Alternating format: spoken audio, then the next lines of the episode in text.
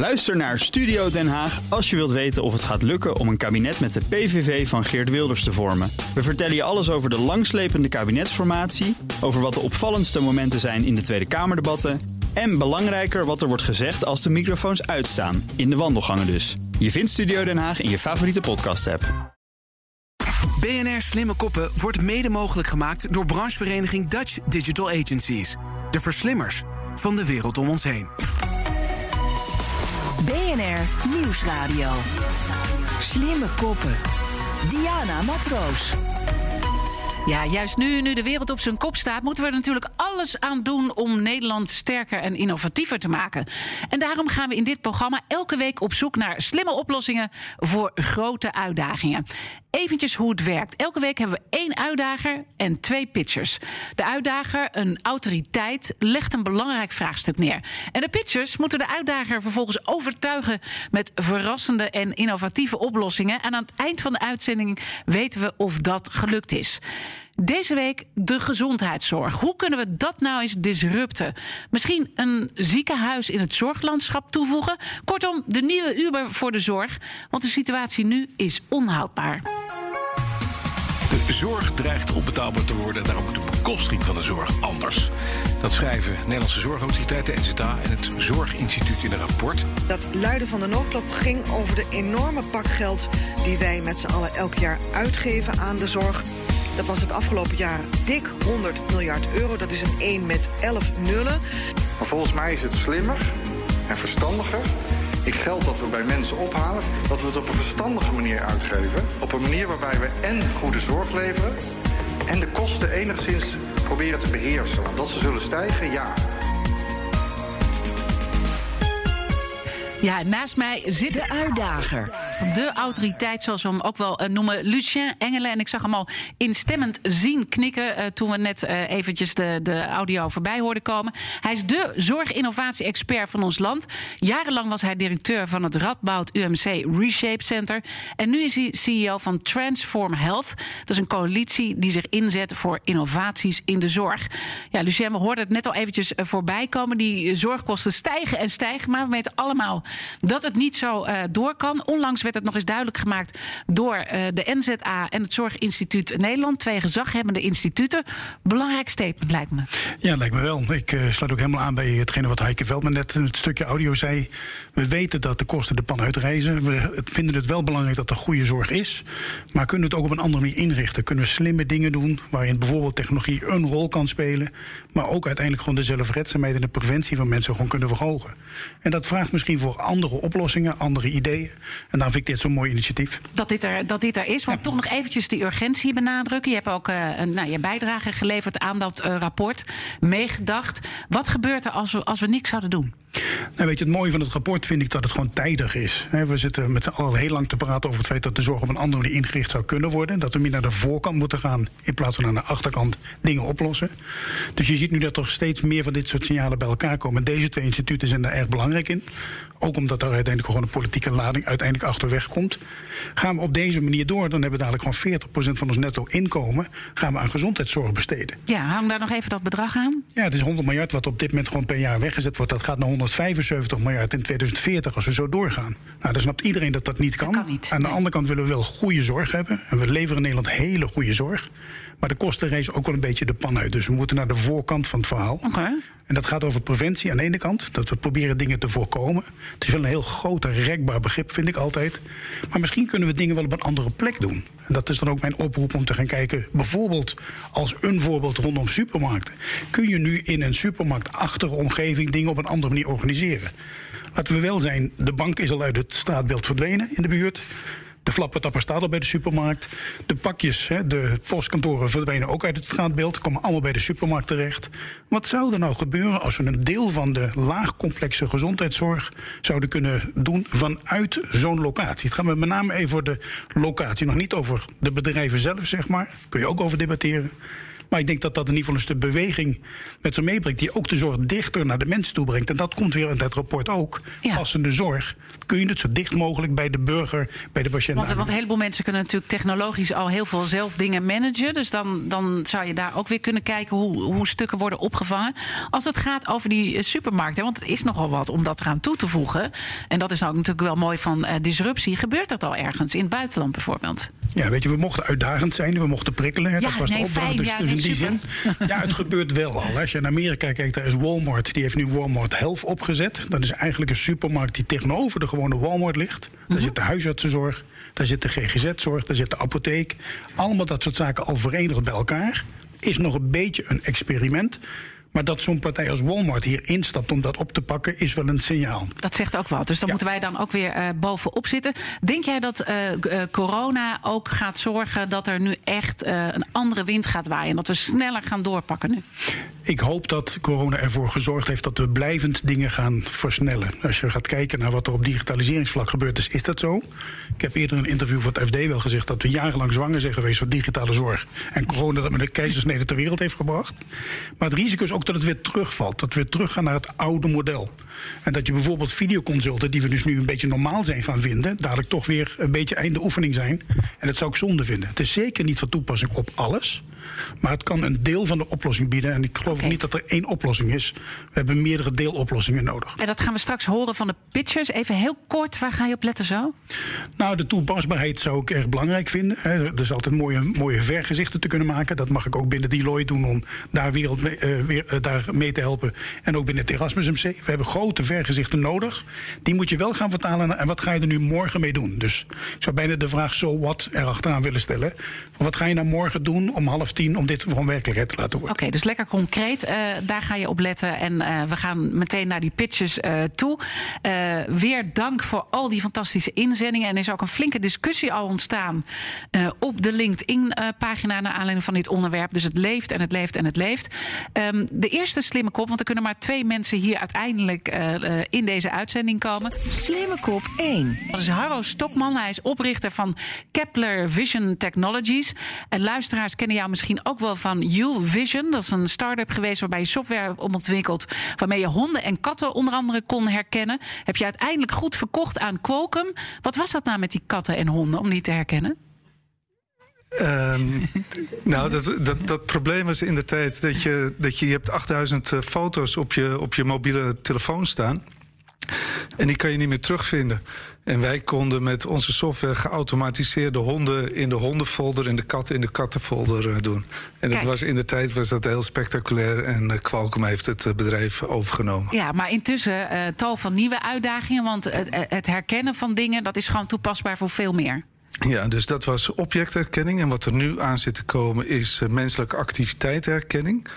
En daarom ben ik nu een nieuw bedrijf gestart. Dat heet, het is weer een spin-off van de Universiteit van Amsterdam. En wij hebben de, eerste, de werelds eerste kunstmatige intelligentie ontwikkeld... die waakt over het welzijn van mensen. Kijk, een mooie inleiding naar jouw pitch. Want eh, ook jij hebt een minuut om jouw verhaal te pitchen. Dus ik zou zeggen, Harro, succes. Oh, het- onze, onze oplossing is heel eenvoudig. Eh, zorgcentra hangen vol met eh, camera's. Onze software analyseert wat er op die camera's gebeurt. Dus hoeven niet meer door mensen te worden uitgekeken. En onze software kan herkennen of een patiënt in bed is, op de rand van het bed zit, of hij uit bed is, of hij in de badkamer is en of hij is gevallen. En daardoor eh, worden zorgmedewerkers, en met name s'nachts, tot 40% productiever. Wij doen nu ehm, eh, een pilot bij een zorginstelling. En daar is het personeel in opstand gekomen. Die wilden deze technologie niet, want die zijn bang dat ze hun baan kwijtraken. En dat dacht ik is een mooie aanleiding om hier eens eh, te komen vertellen over wat we doen. Hartstikke mooi. Dat is natuurlijk een heel belangrijk punt. En hoe we dat dan weer vanuit die innovatie eh, moeten oplossen, gaan we zo meteen eh, doen. Eh, maar eerst gaan we natuurlijk naar de andere pitcher. Slimme kop 2. Dat is Detlef Volkers. Je bent directeur van Ontdekzorg en MedTech Innovator. Oftewel innovator in de medische technologie. Jullie zijn de grondleggers van het succesvolle platform Extra Handen aan het Bed tijdens coronatijd. En dat hadden jullie volgens mij heel snel in no time ontwikkeld. Eh, ja, ehm, de noodzaak eh, kwam in, eh, in maart. En in drie dagen tijd hadden we vanuit niks een platform live staan. En dat heeft er wel voor gezorgd dat alle mooie inzendingen die via LinkedIn binnenkwamen, dat er ook een match plaats kon vinden met de instellingen. En ja, dat die zorg ook eigenlijk daar naartoe kon. Dus, Geweldig gevoel lijkt me. Ja, ja, Ja, nee, toch? dat is echt, Dus, ja, eh, ben ik ook echt apetrots op. ja. Eh, Dus, eh, echt met man en macht hebben we eraan gewerkt. ja, ja, we zijn natuurlijk ook heel erg benieuwd wat je voor nieuws in petto hebt. Dus ook jij hebt één minuut succes voor jouw pitch. Ehm, nou, denk buiten de kaders. Eh, we kennen allemaal in de zorg veel innovatienetwerken. Ehm, vaak een goed idee, maar relatief, met een relatief laag resultaat. En eh, de slagkracht zit hem denk ik minder in een, weer een nieuw appje te bouwen... maar echt om het eh, zorgsysteem anders aan te pakken. Denk bijvoorbeeld ook aan waarde, te, waarde toe te kennen aan gecreëerde data. Wat een mooi voorbeeld daarvan is, is eh, de transfersysteem van de voetbalwereld. Stel dat je die zou koppelen aan data vanuit de ziekenhuizen. En eh, je zou dat richting de farmaceutische industrie eh, gaan, eh, gaan voeren. Dan, ehm, dan brengt eigenlijk de, de waarde ook een stukje een duit in het zakje richting de gezondheidszorg. En dan krijg je meer een soort closed loop. waardoor de ja, farmaceutische industrie bijbetaalt aan ons zorgsysteem. Kijk, wat een eh, innovatieve ideeën horen we hier toch allemaal. BNR Nieuwsradio. Slimme koppen. Tuurlijk, de echte expert, de uitdager eh, vandaag. Lucien Engelen. En echt eh, de innovatie-expert in de zorg die we hebben in Nederland. Dus super fijn dat je er bent om jouw reflectie te geven op wat je hebt gehoord. Ja, wat je hier natuurlijk ziet is dat er gewoon ongelooflijk mooie ideeën gewoon zijn. Die je met één oproep gewoon op tafel kunt krijgen. Je ziet het ook in de discussie onder de LinkedIn-post. hè, Die geplaatst is dat er allerlei mooie ideeën op die manier gedeeld worden. En ik denk dat dit twee hele mooie voorbeelden zijn. Ze hebben nog niet zoveel met de supermarkt te maken. Om dat wel even duidelijk eh, aan te geven, zeg maar. Maar het mooie is wel dat dit gewoon echt thema's zijn waar we mee te maken hebben. Ik herken heel erg jouw idee, hè, waarbij je zegt van we hebben het neergezet. En er komt een stukje opstand omdat mensen bang zijn voor hun eigen baan. De realiteit echter is dat we een verdubbeling van de zorgvraag binnen dezelfde budget gaan krijgen tot 2000, zeg eens 2040. Dat betekent eigenlijk dat je twee keer zoveel mensen moet gaan helpen met hetzelfde aantal collega's. Ja, dan snapt iedereen dat dat niet past. Dus je moet wel met slimme dingen aan de slag gaan. Als je dan met patroonherkenning aan de slag gaat en kunt kijken en kunt zorgen dat je alleen maar naar patiënten of cliënten of bewoners kunt gaan kijken op het moment dat het nodig is. En ze dus eigenlijk ook niet onnodig stoort, want dat is de andere kant van het verhaal. Creëer je ook gewoon veel meer welzijn, ook voor die mensen zelf. En veel meer rust ook voor de verpleegkundigen of voor de, de zorgverlener zeg maar, op dat moment. Dus ik vind dat een heel mooi voorbeeld. Dat zou je ook verder op kunnen pakken en ook breder neer kunnen zetten. Omdat het vooral op een manier gedaan moet worden die niet eh, invasief is, zoals we dat wel vaker noemen. En dat er allerlei dingen gedaan moeten worden. Of dat je allerlei dingen ziet hangen. Uiteindelijk kunnen dit soort technologieën natuurlijk gewoon in een gloeilamp terechtkomen, zeg ik maar heel even. Of Dat gloei, gloeilamp het verkeerde woord is Nou ja, dat is een beetje verouderd. Maar Ledlampen, zeg maar. Ledlampen. Ja. Het, zit, het zit in de rookmelder. Nou dus ja, in de de- rookmelder zit een heel klein oogje. En dat, Ja. dat is eigenlijk eh, de camera. Je, je, je ziet hem niet. Dat bedoel ik, hè? En dat, dat zou je dus ook in kunnen bouwen, zeg ik maar heel even. In, in woningen waar ook gewoon jonge startersgezinnen gaan zitten. Die, waarbij de woning meegroeit uiteindelijk met datgene wat je nodig hebt. Dus ik vind dat een heel mooi voorbeeld. Voorbeeld van Dus Detlef dat vind is eh, de, eh, Harro Stokman, hè? De, de- Ja. de- jouw voorbeeld. En nu gaan we naar Detlef Volkers. Ja, het het, voor- het mooie voorbeeld van Detlef vind ik... dit is iets wat we met z'n allen eigenlijk al heel lang proberen voor elkaar te krijgen. Hè, Dat je zegt van hoe kun je nou waarde toevoegen... die uiteindelijk ook weer terugvloeit naar het zorgsysteem. En dan heb je denk ik twee mogelijkheden. Enerzijds inderdaad richting de farmaceut, zoals je die noemt. Ik denk terechte keuze. Ik denk dat dat ook zeker mooi is. We hebben ook vaak te maken met allerlei subsidies... die ook richting farmaceuten gaan. Uiteindelijk moeten we medicijn betalen. Op zich kun je er van alles van maar ik denk dat het een goed model is. Maar nu even naar die supermarkt. Wat zou er nou gebeuren als we een aantal data kunnen delen... bijvoorbeeld met Laten we even zeggen, de, de, de, de bonuskaart van een niet nader te noemen supermarkt, om maar een voorbeeld te noemen. Als je op basis daarvan zou kunnen zeggen, je kunt die zaken combineren. Dat iemand die te weinig gesport heeft, of te weinig gelopen heeft, of genoeg gelopen heeft. En je hebt straks verteld dat je zo'n hele mooie snelle fiets hebt, zeg maar, waarmee je in no time van Arnhem in Nijmegen kunt komen.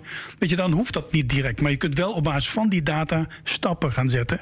In de zin van wat kun je beter aanbieden, welke voedingsstoffen, welke producten zou je daarvoor kunnen gaan gebruiken.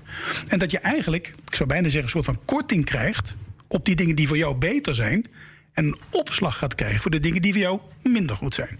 Dus ik vind dat wel een hele mooie om eens een keer over door te denken. Er zitten Ja. allerlei ethische vraagstukken aan. Ja, zowel aan jouw oplossing als aan die van Hanno ook. Hè, dat je zegt van, daar ga je nog wel wat discussies over krijgen. Ook over privacy en alles wat ermee te maken heeft. We hebben natuurlijk die AVG, hè, die afgeleide van de GDPR... die ooit bedacht is, die wetgeving op Europees niveau... om veilig delen van informatie mogelijk te maken. Wat je nu helaas te vaak ziet, is dat het gebruikt wordt om data en informatie niet te kunnen gaan delen. Ja. Dus ik denk dat het een goede discussie is om ook op die manier gewoon te voeren. En ik vind beide voorbeelden echt toepasbaar. Eh, waarbij ik wel merk dat er nog wat discussie te voeren is. Enerzijds met mensen die bang zijn voor hun eigen baan. En anderzijds over wat mag je er wel en, of niet met iemand gaan delen. Oké, laten we dat dan eventjes eh, opsplitsen. Een mooie reflectie eh, al gegeven. Overigens, als het gaat om die eh, eh, eh, bonuspunten, zeg maar, eh, sparen... eh, zou ik zeker ook aanraden om onze andere aflevering van Slimme Koppen... met Sabine Pinedo, eh, de oprichter van Vital eh, 10. Want die eh, werkt daar ook naar en hebben ook daar een beetje over Ja. gefilosofeerd... dat je dan wel een gezond ecosysteem... dus dat de, de, de dingen die je kan verdienen... moeten dan wel weer gezond zijn. Want anders Ja. heb je daar weer een probleem mee. Maar laten we even beginnen met eh eh, Harro Stokman. Want jij gaf al even aan opstand. eh, toen je met dat idee kwam, met die herkenning... eh, zodat het verplegend personeel niet meer langs al die kamers hoeft... maar alleen in actie hoeft te komen als er echt wat is. Ja, dus die kunnen hun werk s'nachts, wat ze normaal met z'n drieën doen, kunnen ze nu in hun eentje doen. Ja, precies. Dat, is, dat is eng, dat is. eh, dat wat gebeurt er dan? Wat, wat, neem ons even mee. Wat, wat, hoe, hoe erg was de paniek? Nou, de paniek was dusdanig groot dat het in één locatie. daar wilden de zorgmedewerkers niet meer meewerken. En toen is er door de directie besloten om daar goed naar te luisteren. en toch maar uit te wijken naar een andere locatie. en dat Dus is daar- wel enorm frustrerend. Want je wil eigenlijk een goede oplossing voor die zorg bieden. Ja, ik wil opschieten. Ja. Dus dit, eh, dit, hielp, dit, dit, dit, dit hielp mij niet. Eh, maar ja, zo so be it. Ja, maar hoe ga je dat dan aanpakken? Want eh, we hoorden net ook Lucien zeggen... er zitten juist heel veel voordelen ook aan. Ook voor dat verplegend personeel. Dus misschien kun- kunnen Nou, jullie daarover wat- in gesprek gaan... hoe je dat nou oplost? Nou, wat, wat wij nu van plan zijn, maar dat hoor ik graag van Lucien of hij dat een goed idee vindt, is om. ehm, ja, een soort van. Het is slecht Nederlands. eh, re- reference customers. Om de, om de klant mee te nemen naar reference customers. En dat, dat, dat het zorgpersoneel daar gaat vertellen over hoe ontzettend goed en hoe ontzettend fijn het is om met onze technologie te, te werken. Om het op die manier wat minder spannend te maken voor, voor, voor, voor, voor, voor nieuwe locaties en nieuwe klanten. Ja, ik ga natuurlijk even een beetje proberen die kritische rol te pakken die mij gevraagd is. Want je geeft eigenlijk het verkeerde antwoord op de verkeerde vraag. Met je oplossing. Als je zegt van ik ga dit doen omdat we gaan bezuinigen, dat is dus echt het verkeerde antwoord. Want het gaat namelijk niet om bezuinigen. Maar dat heb ik niet gezegd. Nou, je zegt net van je kunt het nu met drie man doen, dan kan je het ook met één persoon doen. Ja, maar die mensen die zijn er niet. Eh, Helder. Dat- daar gaan we, dat- ja, ja, daar- dus, dus ik dat bedoelde zijn niet bezuinigen, maar Ja. die mensen zijn er niet. Ze zijn er niet. Dus hoe ga je dat oplossen dan? Ja. Maar dit is dus precies de discussie waar het mij om gaat. Want dit merk je dus vaak dat dat de gedachtegang is. Oh, dan zijn we dadelijk met minder mensen en dan moeten we meer doen met minder mensen. Dat is een bezuinigingsslag. Dat is wat veel zorgmedewerkers in dat soort oplossingen ook zien gebeuren. En daar zijn ze bang voor. Wat denk ik de andere kant van het verhaal is dat je juist meer tijd hebt om door te, eh, om door, te pakken met die cliënt die s'nachts wel wakker is, waar je nu geen tijd voor hebt, omdat je ook nog eens een keer 40% van je tijd met allerlei administratieve dingen bezig bent die niet echt bijdragen aan de zorgverlening. Dat je juist die tijd kunt inzetten om die warme zorg, zoals we dat vaak noemen, aan de dag te leggen. En ik denk als je dat mechanisme daarvoor inzet en mensen dat laat zien dat dat daadwerkelijk werkt, zul je ook zien dat meer zorgmedewerkers daarover in beweging komen. Maar die eerste angst is er altijd. En dat komt natuurlijk ook niet uit de lucht vallen. We hebben heel vaak gezien dat allerlei mooie innovatieve oplossingen er uiteindelijk toe leiden dat er inderdaad bezuinigd werd. Dus ik denk dat dat ook aan de voorkant een heel duidelijk signaal moet zijn naar die zorgmedewerkers toe. Dat het vooral bedoeld is om te zorgen dat ze meer tijd hebben om die dingen te doen met hun cliënten of patiënten waar ze oorspronkelijk verpleegkundige of arts voor geworden zijn. Maar hoe dwing je dat dan af? Want dat kan je wel zeggen, maar uiteindelijk heb je ook een ziekenhuisdirectie die denkt ook misschien, nou mooi met dit systeem kunnen. eh, eh, Truus en eh, Wilma eruit. Ja, nou ja, weet je, een van de dingen die ik gewoon vaak zie gebeuren in de praktijk is dat mensen om wie het gaat niet betrokken zijn bij het proces. Dan komt er dus iemand met een mooie innovatie en dat komt uit de lucht vallen. Ik zeg niet dat dat in jouw geval zo is, hè, begrijp me niet verkeerd. Maar dat wordt dan bij ze neergelegd en zeg kijk eens even wat er gebeurt. Je zou eigenlijk vanaf het allereerste moment dat dit soort innovaties opgepakt worden, juist die zorgmedewerkers erbij willen betrekken en cliënten en patiënten om het probleem wat zij hebben op hun manier op te lossen. Ja, dus dat voor, gebeurt- voor, voor de luisteraars, ik ben nu heel erg aan het knikken, dus ik ben het allemaal eens. En inderdaad, een kick-off meeting met alle stakeholders en inderdaad ook vertegenwoordiger van de medezeggenschapsraad en, de, en, en de familie en, enzovoort. Die, die willen we er heel graag de, de eerste meeting bij hebben. Want als die pas halverwege het traject te horen krijgen van wat er gebeurt, dat, eh, dat, dat helpt, dat, dat is te laat. Ja. Nee, de vraag is dus ook even of wat dan de kick-off is. Hè. Is de kick-off een bestaand product wat je wil gaan uitproberen? Of is de kick-off op het moment dat je zegt: we hebben een wit vel papier, er is een probleem wat we op willen gaan lossen. En mensen zijn vanaf dag één betrokken bij het proces. En dat, eh, dat is waar ik het heel erg over heb. Is ga je een oplossing maken voor iets wat in de zorg een daadwerkelijk probleem is, op een manier die ook in hun werkproces past? Of zeg je: we hebben nu iets en we gaan nu iedereen erbij betrekken. Dus ik leg bewust even een beetje kritisch neer. Oké, mooi, mooi punt om eventjes ook over na te denken voor jou. Want ik wil ook heel graag uh, Detlef Volkers. Hè, je had natuurlijk die, die transfermarkt, dat voetbal. Uh, een ja. hele andere manier van denken. Dus dat de waarde weer uh, terugvloeit. En toen zei Lucien, kunnen we dat nou eens koppelen aan dat supermarktidee wat ik had? Zie je die koppeling voor je? Uh, nou, uh, zeker. Kijk, de farmaceutische industrie is maar een voorbeeld. Uh, maar wat je ziet is dat de gezondheidszorg nu eigenlijk alleen maar geld kost. En dat er alleen maar met de kaasschaven over het hele systeem wordt gegaan. En ik vind die methode eigenlijk per definitie al een vorm van armoede. omdat ik denk dat het ook gewoon heel, op een hele andere manier kan. Je moet het gewoon op een hele andere manier gaan benaderen. Ehm, en als je kijkt naar de uh, supermarkten. Ja, het eerste waar ik aan denk is dan van ja, eigenlijk een beetje preventiemaatregelen. Je kunt eigenlijk die hele situatie op een andere manier ook weer gaan bedenken. Denk dat kunstmatige intelligentie in combinatie met demografische, geografische factoren, dan kun je best wel een inschatting maken wat er gebeurt. En daar kun je ook je zorgbehoeften op aanpassen. En uh, ik kan me voorstellen dat er in uh, bepaalde wijken van uh, Amsterdam of in, in Rotterdam of Den Haag, van de grote steden, dat dat een hele andere zorgbehoefte heeft dan ergens op het platteland in, in Drenthe. En zou dan die supermarkt daar de oplossing kunnen bieden? Dat je meer die lokale oplossing, nou, of ben je daar kritisch over? nou, je weet in ieder geval wat voor ingrediënten ze kopen. Je, je, in, inmiddels is het al wel zover dat je daar ook wel voorspellende waardes op kunt gaan geven. En als je dat dan weer koppelt aan de zorgbehoeften wat iemand heeft, nou, dan kun je best wel een, een lijntje proberen door te trekken. Uh, en dan is het ook niet per definitie nodig dat je bepaalde zorg daar eigenlijk altijd stand-by hebt staan. Uh, dan dat je ja, je, je kunt veel doelmatigere zorg gaan leveren. Alleen wat ik wel bij mezelf beproef. Ja, ja, ja. ja, ja. uh, um, onze overheid. Uh, nou, de, de, de, ik wou bijna gaan vragen, ja. uh, die stuurt wel heel erg nu op nog alles met rondom controle. Alles moet in controle. En dat is technisch eigenlijk heel goed op te lossen tegenwoordig. En ik denk dat de nieuwe wereld minder naar de controles, maar dat er meer ethische vraagstukken uh, naar voren gaan komen. Uh, denk aan kunstmatige intelligentie, maar ook een stukje wat, uh, wat de meneer naast mij nu net eigenlijk aan het, aan het, aan het zeggen was. Harro Stokman. Harro Stokman, sorry. Ja. ik, ik kan me voorstellen dat daarin ook ja, zo'n zo'n cliënt of patiënt, hoe je hem wil, uh, wil noemen, um, ja, dat die zich ook wel kan afvragen van ja, wat gebeurt er nou met mijn data? Wat wordt er opgeslagen? Waar, wat, wat gaan ze ermee doen? Dat staat in de dataverwerkingsovereenkomst die, uh, die wij sluiten. Dat, dat document dat is opgesteld door de brancheorganisatie Zorg. En daarin staat precies hoe het wordt opgeslagen, hoe lang het mag worden opgeslagen. En, en dat het geëncrypt moet worden. Dus dat zou helemaal, dat, die vink, die kunnen wij zetten. Wij zijn geen Facebook of Google. Nee, nou ja, goed, ook daarvoor kun je stellen. Dan ga je helemaal verder van waar heb je dan je database? Heb je die bij Google gestald of niet? En maar dat klinkt heel flauw, maar ja, ik denk dat dit soort uh, uitdagingen meer, ja, dat er veel misschien minder uh, nadruk op dat stukje controle moet zitten. Maar misschien ook wel juist ja. na, de, na, een hele zware ethische commissie bijvoorbeeld. Ja. Goed, goed uh, punt. Uh, we moeten hier op radio de boel besluiten. Ja, zo hard is het. Maar we gaan nog eventjes verder praten in de nazitters. Dat kunnen mensen allemaal in de podcast terugluisteren. De conclusie. Lucien, jouw takeaway van deze uitzending. Ja, laat ik vooral even kijken naar het puntenverhaal. Als eerste, wat je dus zou kunnen doen, als je gaat kijken naar het combineren van data. En als bijvoorbeeld ook de supermarkt op een andere manier met een vakkenopstelling aan de slag zouden gaan. Er nu net onderzoek afgerond door het AMC. Die heeft aangetoond dat als gezonde producten op ooghoogte in het schap liggen, worden ze meer gekocht. Ja. Dus je dat nou kunt combineren met dat puntensysteem waar jij het over had, dan krijg je in ieder geval een beweging en inzicht. En op basis van onderzoek kun je dan zeggen: dit is een beweging die niet meer over die controlekant gaat, maar mensen zelf entameert om dingen op die manier op te pakken.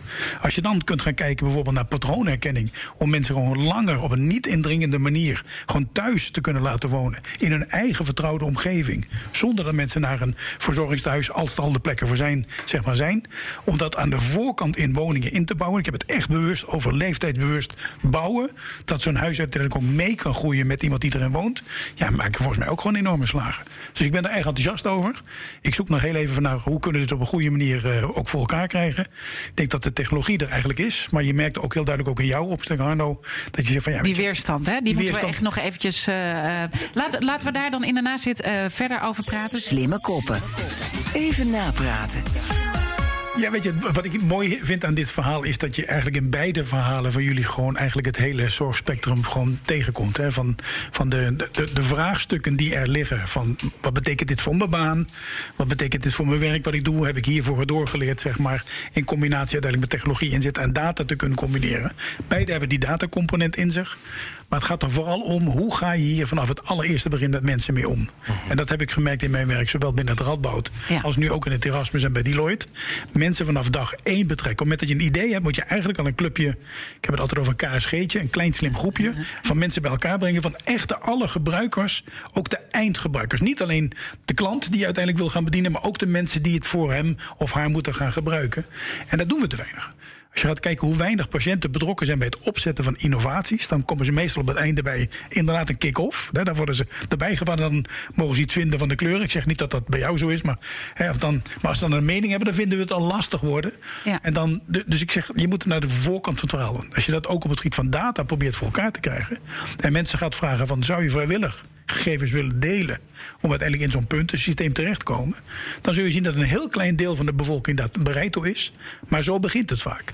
We denken te vaak dat we gelijk een oplossing voor iedereen in Nederland hebben, Ja. maar dat is er dus niet. Detlef, je begint te lachen.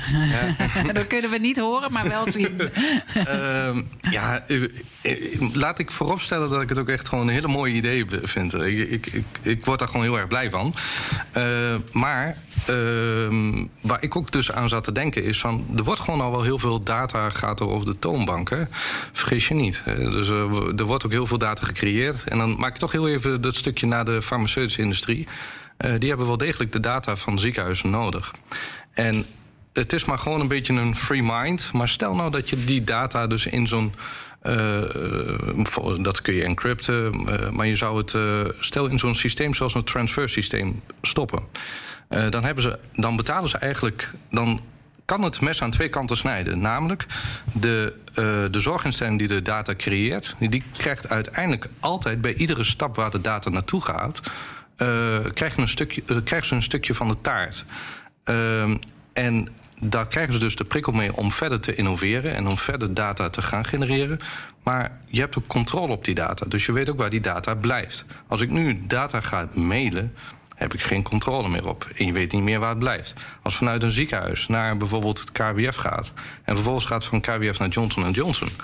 ja, dan weet je niet meer wat er met die data gebeurt. Je weet niet meer wat er met persoonsgegevens... Maar als we even in jou, van, vanuit jouw transfermarkt, eh, vanuit Ja. het voetbal, eventjes gewoon nu een concreet voorbeeld bij de kop pakken. Wat, wat zou er dan gebeuren in jouw model? Ehm, Ik noem maar even wat. eh, het, het vaccin. Nou, het vaccin bestaat uit verschillende elementen. Het stukje data die zij zelf gaan genereren, maar ook andere data die uit ziekenhuizen komen. En het stukje wat er uit het ziekenhuis gegenereerd wordt, ja, dat gaat gewoon nu even tussen haakjes gratis over de bühne. Eh, dat heeft helemaal geen waarde in de gezondheidszorg. Dat, dat is geen, geen, geen, er zit geen euro aan.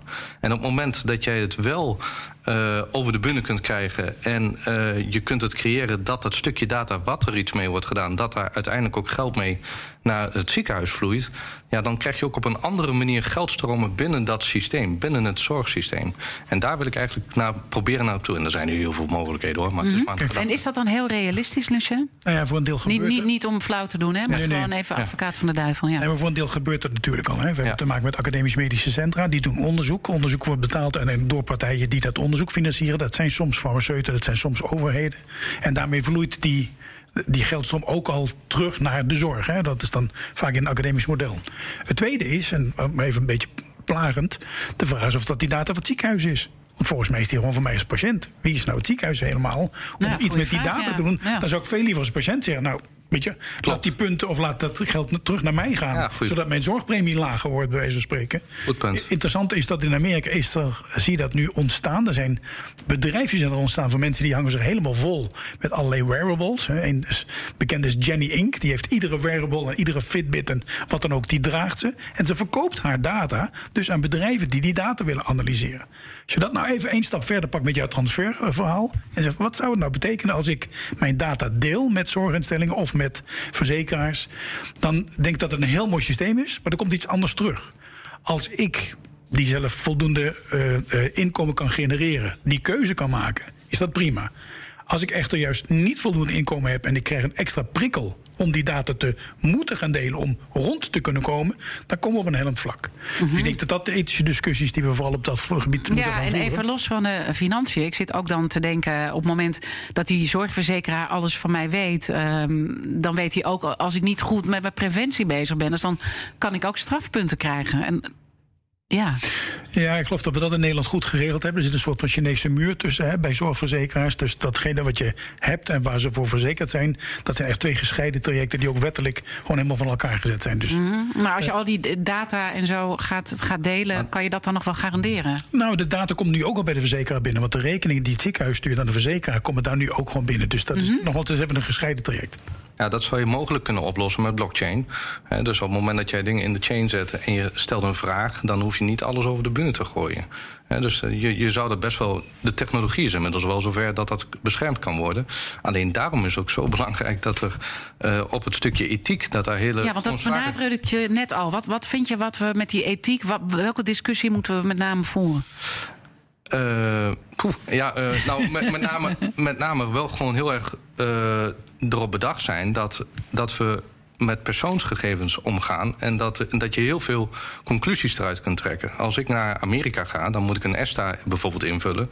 En uh, stel nou dat er uit die ESTA dat er ook nog veel meer andere data wordt opgevraagd. Dan zouden misschien analyses uitgevoerd kunnen worden die helemaal niet exact. in mijn voordeel Precies. werken. Ja. En dat wil je volgens mij wel een heel klein beetje voorkomen. Dus je wil een beetje de uh, ik, toch even, als we kijken naar China bijvoorbeeld, die, heeft, die hebben hele goede elementen, maar dat is toch een beetje de goede burger, slechte burger uh, wat je. Nee, maar dat, daar refereerde ik net ook aan. Dat vind ik dus wel eng aan die data. Even ja. los van degene die de financiële prikkel op de verkeerde manier krijgt, hè, om het allemaal rond te krijgen. Terecht punt wat jij uh, zegt, Lucien. Maar al die data, als we echt die, die Uber gaan worden, hè, de ziekenhuizen, de disruptie naar die Uber laten worden, ook wel gevaarlijk. Ja, nou ja, goed. Je zou het kunnen tackelen, of in ieder geval met een groot deel uh, rondom blockchain. Uh, dat, is een, dat is een stukje. En als je daar dan ook een. Uh, en rondom machine learning. wat, een, wat heel veel kansen biedt, maar wat ook echt een bedreiging is. Want als je het helemaal afpelt, zou op een gegeven moment AI kunnen zeggen: van ja, er is toch maar één heel risicovol stukje in het hele systeem. En dat is de mens. Ja. terwijl dat we wel menselijk moeten blijven met alles. En daarom is het ook gewoon heel belangrijk dat daar in dat stukje ethiek eigenlijk ja. continu terugkomt. Harro, jij had het net over: ik kan een vinkje Hoe ben jij met dat, met dat ethische aspect omgegaan als het gaat om die herkenning uh, van die beelden? Nou, ik, ik vind het wel super belangrijk. Um, en ik denk dat je, you have to do, je, je moet het juist doen. Dus ik probeer ook als juist, het juiste te doen als ondernemer.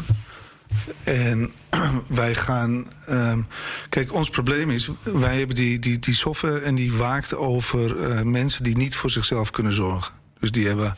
Uh, fysieke problemen of die hebben mentale problemen. Ja, want je kan dus ook stress herkennen, hè? bijvoorbeeld met, met die herkenning. Ja, ja dat ze heen en, weer, bewe- heen en weer bewe- ja. beginnen te bewegen. Okay. En die filmen wij op een meest intieme moment. Weet je, als ze zich aan het uitkleden zijn of zo. Dat, dus dat, uh, dat, dat, ja, die mensen die verdienen het gewoon heel erg dat, dat, dat wij heel secuur met die data omgaan.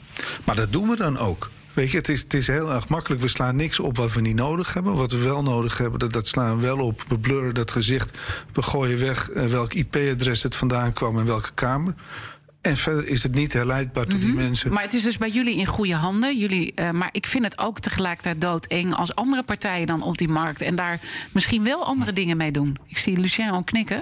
Ja, wat je natuurlijk ziet is dat technologie vaak de oplossing kan bieden. Hè? Zoals het blockchain verhaal wat jij net even noemde. Uh, uh, aan de andere kant zeggen, je moet dus dat hele privacy by design verhaal vanaf dag één gebruiken. En het camera verhaal vind ik een hele mooie. Hè? Je hebt nu een aantal procesinnovaties aan de dag gelegd en die ook beschreven en vastgelegd. Er zijn nu ook gewoon partijen die hebben in de camera eh, het zo geregeld dat de data de camera niet eens verlaat. Er komt alleen maar een stukje data uit. Ja, dat, dat, hebben, dat hebben wij ook. Maar Kijk, dat, dat bedoel ik. Dus weet je, dan, dan heb je al een hele andere situatie. En dan heb je eigenlijk aan de voorkant al nagedacht om dat op een goede manier te regelen. Maar laten we ook eerlijk zijn: dit is een boek wat we met z'n allen nu aan het schrijven zijn. We kunnen nu dingen die we tien jaar geleden nog niet konden. En we gaan over tien jaar dingen kunnen die we ons nu niet eens kunnen voorstellen. Hè. Ik, bedoel, ik pak wel vaker het voorbeeld dat de iPhone, die is nu, wat is het, 11 of 12 jaar oud. Kijk hoe dat ons leven heeft. Om een voorbeeld te noemen. Als Jup hebben we als eerste instantie hebben die, die eerste iPhones gekocht voor veel geld. En toen zei ja, dat is alleen maar voor de upper eh, class, zeg maar. Inmiddels heeft de gemiddelde Nederlander 1,3 smartphone in zijn zak. Dus het wordt op die manier ook gefinancierd aan de voorkant. En we moeten hier, denk ik, proactief mee zijn. Om de mensen om wie het gaat aan de voorkant te betrekken bij het verhaal. Daar hebben we ook allerlei keurige instanties voor in het leven geroepen.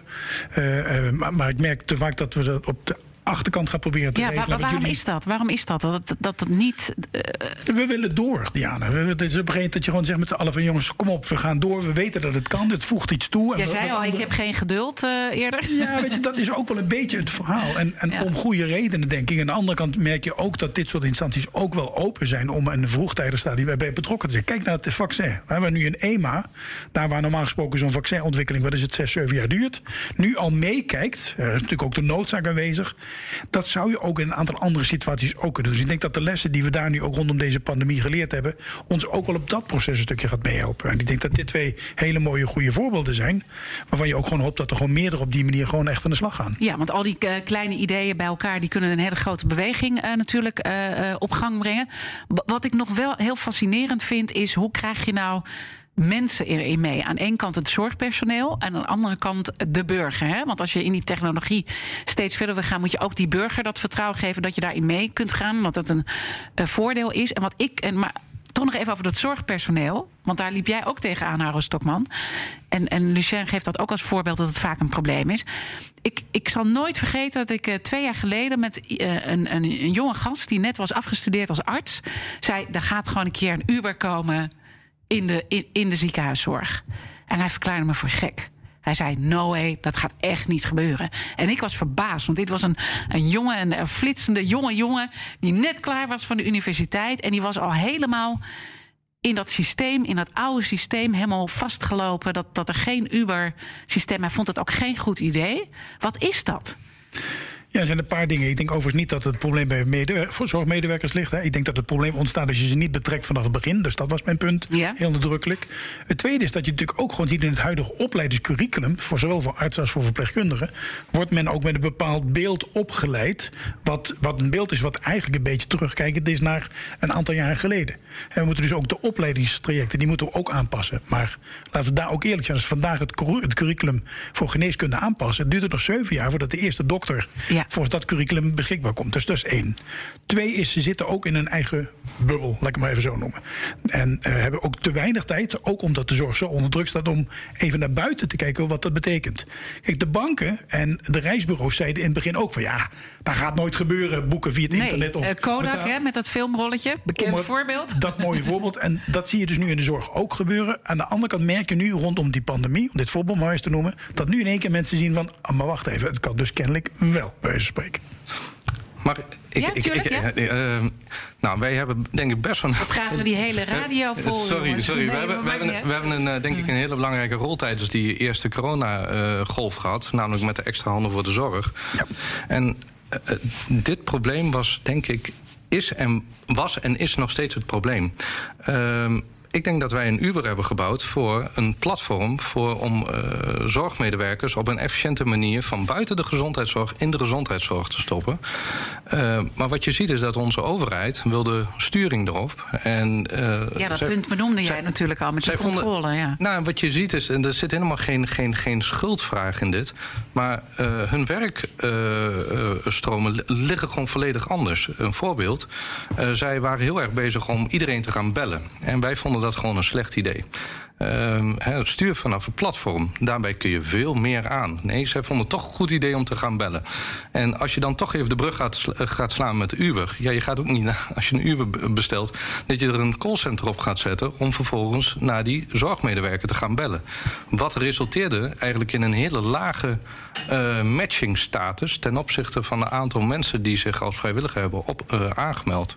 En, en eigenlijk, eigenlijk is dat wel heel erg jammer, want eh, ons systeem is dus, ook al kom je met iets, ons systeem is dan wel weer zo ingericht dat het wel weer heel lastig wordt eh, tijdens zo'n pandemie om dan toch tot die, tot die ja, dus je te bent, maken. bent toch tegen die hiccups aangelopen. Hoe, hoe zou, want misschien moeten we daarmee besluiten. Wat, wat zou je de eh, heren, je hebt al heel veel adviezen gegeven hoor, maar wat zou je ze verder nog willen meegeven?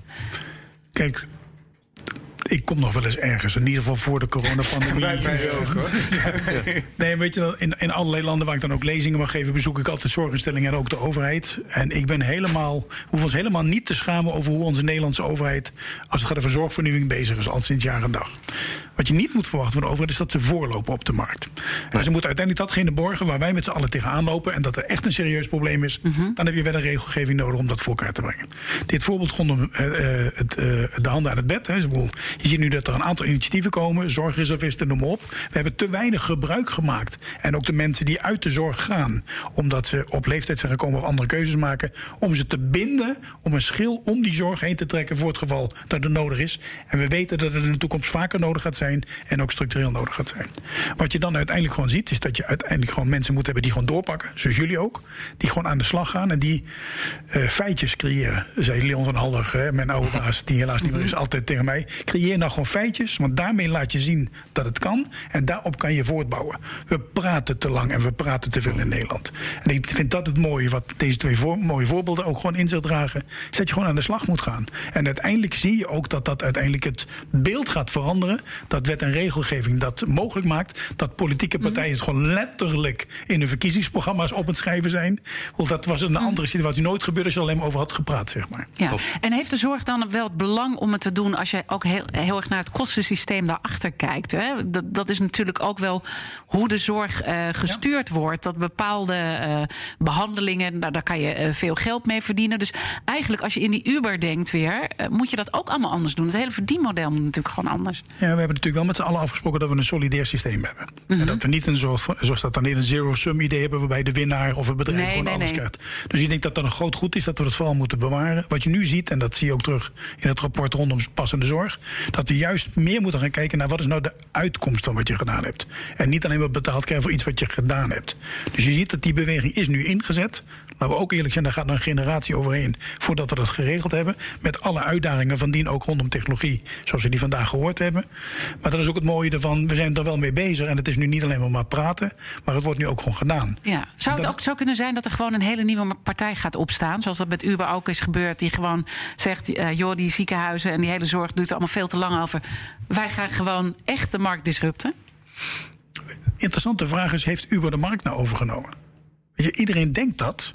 Maar de realiteit is natuurlijk dat dat niet zo is. Wat er wel gebeurt is dat alle andere taxibedrijven, om maar even zo te benoemen, gewoon ook een app en ook een systeem zijn gaan gebruiken. wat veel meer klantgericht was als het systeem wat ze Nou ervoor ja, die rijden heel vaak voor Uber natuurlijk. Dat, ja. dat, dat is de andere kant. Dus Ja. wat je dus ziet is dat er een ander mechanisme komt, een andere beweging, die uiteindelijk wel maakt dat ook de bestaande partijen het op een andere manier gaan doen. Ik geloof er dus niet in dat er dus echt een Uber in de zorg gaat komen. Ik geloof dat er Uber-achtige constructies gaan komen die de klantgerichtheid en de klanttevredenheid en ook echt de oplossingen voor de patiënten, familie en mantelzorg gaan brengen, maar zeker ook voor de zorgmedewerkers.